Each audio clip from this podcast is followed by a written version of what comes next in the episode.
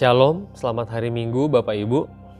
Firman Tuhan hari ini dari Yeskiel 32 ayat 30 31. Di situ pemimpin-pemimpin dari utara semuanya mereka dan semua orang Sidon yang dengan malu turun dekat orang-orang yang mati terbunuh. Walaupun dengan kekuatannya mereka sudah menimbulkan ketakutan terhadap mereka. Mereka dibaringkan tanpa disunat dekat orang-orang yang mati terbunuh oleh pedang dan mereka menanggung nodanya bersama-sama bersama orang-orang yang turun ke liang kubur. Firaun akan melihat mereka semuanya dan ia akan merasa terhibur dengan nasib halayak ramai yang mengikutinya. Firaun mati di, terbunuh oleh pedang dengan seluruh tentaranya.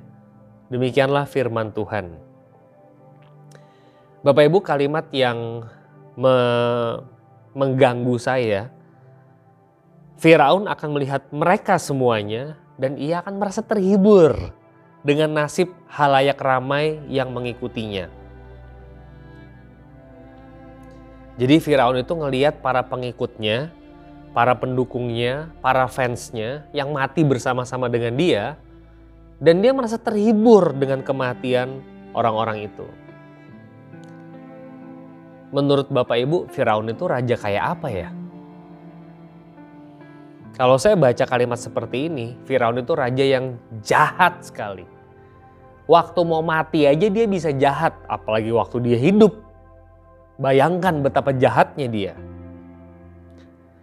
Saudara, teks kita menceritakan bahwa Firaun itu raja Mesir dan hari itu dia sangat berkuasa di Mesir. Kerajaan demi kerajaan silih berganti berkuasa di dunia ini.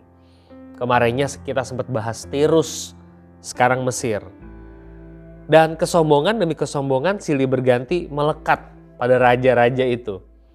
Akhirnya yang kita baca hari ini, Firaun dihukum sama Tuhan.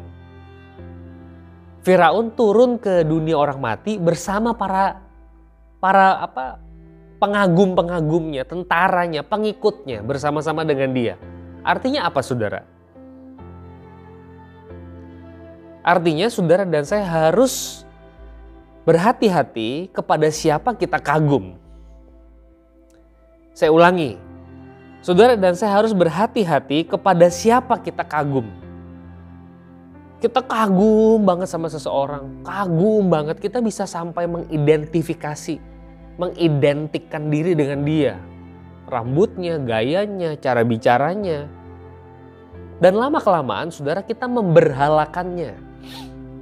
Dan yang bersangkutan juga tidak kebal dari dosa kesombongan. Dia merasa dirinya separoh dewa Saudara seperti suara pastoral yang lalu sebelum yang ini, kesombongan itu melekat pada semua orang. Gak harus tunggu kaya baru sombong, gak harus tunggu pinter baru sombong. Yang kedua saudara, ironisnya berhala tersebut tidak bisa menyelamatkan nasib pengikut-pengikutnya. Dia tidak bermoral, orang kayak gitu jangan dikagumi. Kalau Anda mati sebagai pengikutnya dia, dia toh nggak bisa buat apa-apa, dia akan mati bersama-sama dengan Anda. Aduh saya kepikiran loh saudara, dia mati aja jahat. Udah mau mati aja dia masih tembak semua biar mati sama kayak dia dan dia seneng orang mati kayak dia tuh dia seneng gitu. Kalau kita baca Alkitab baik-baik saudara Tuhan itu sedih sama kematian orang fasik. Tuhan berkenan atas pertobatan orang fasik. Bukan berarti tidak ada penghakiman saudara ya, Tuhan menghukum. Tapi kematian orang fasik itu tidak diinginkan dan Tuhan tidak pernah happy, tersenyum atas penderitaan. Tuhan tidak seperti itu. Yang ketiga, saya bertanya ketika membaca teks ini. Itu Firaun terhibur melihat pengikutnya pada mati.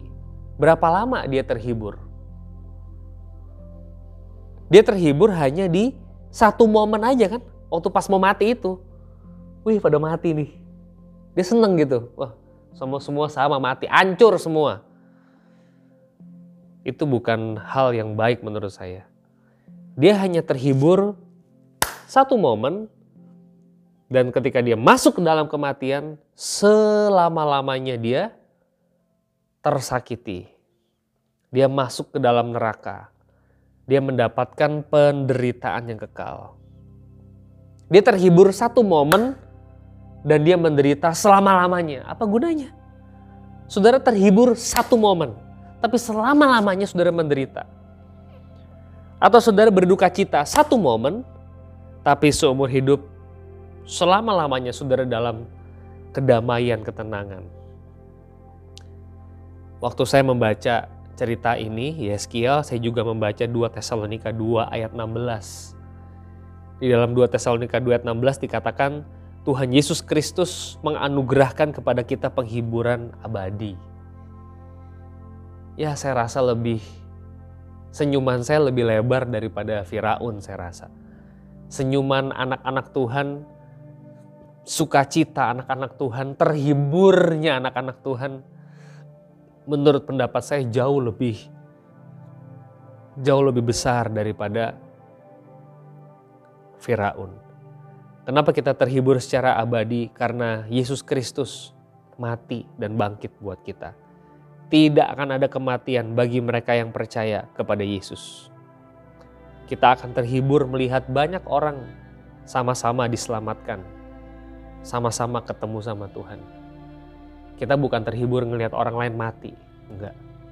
Kita terhibur melihat banyak orang boleh bersuka cita bersama-sama. Bapak Ibu, selamat berefleksi, selamat hari Minggu, Tuhan memberkati.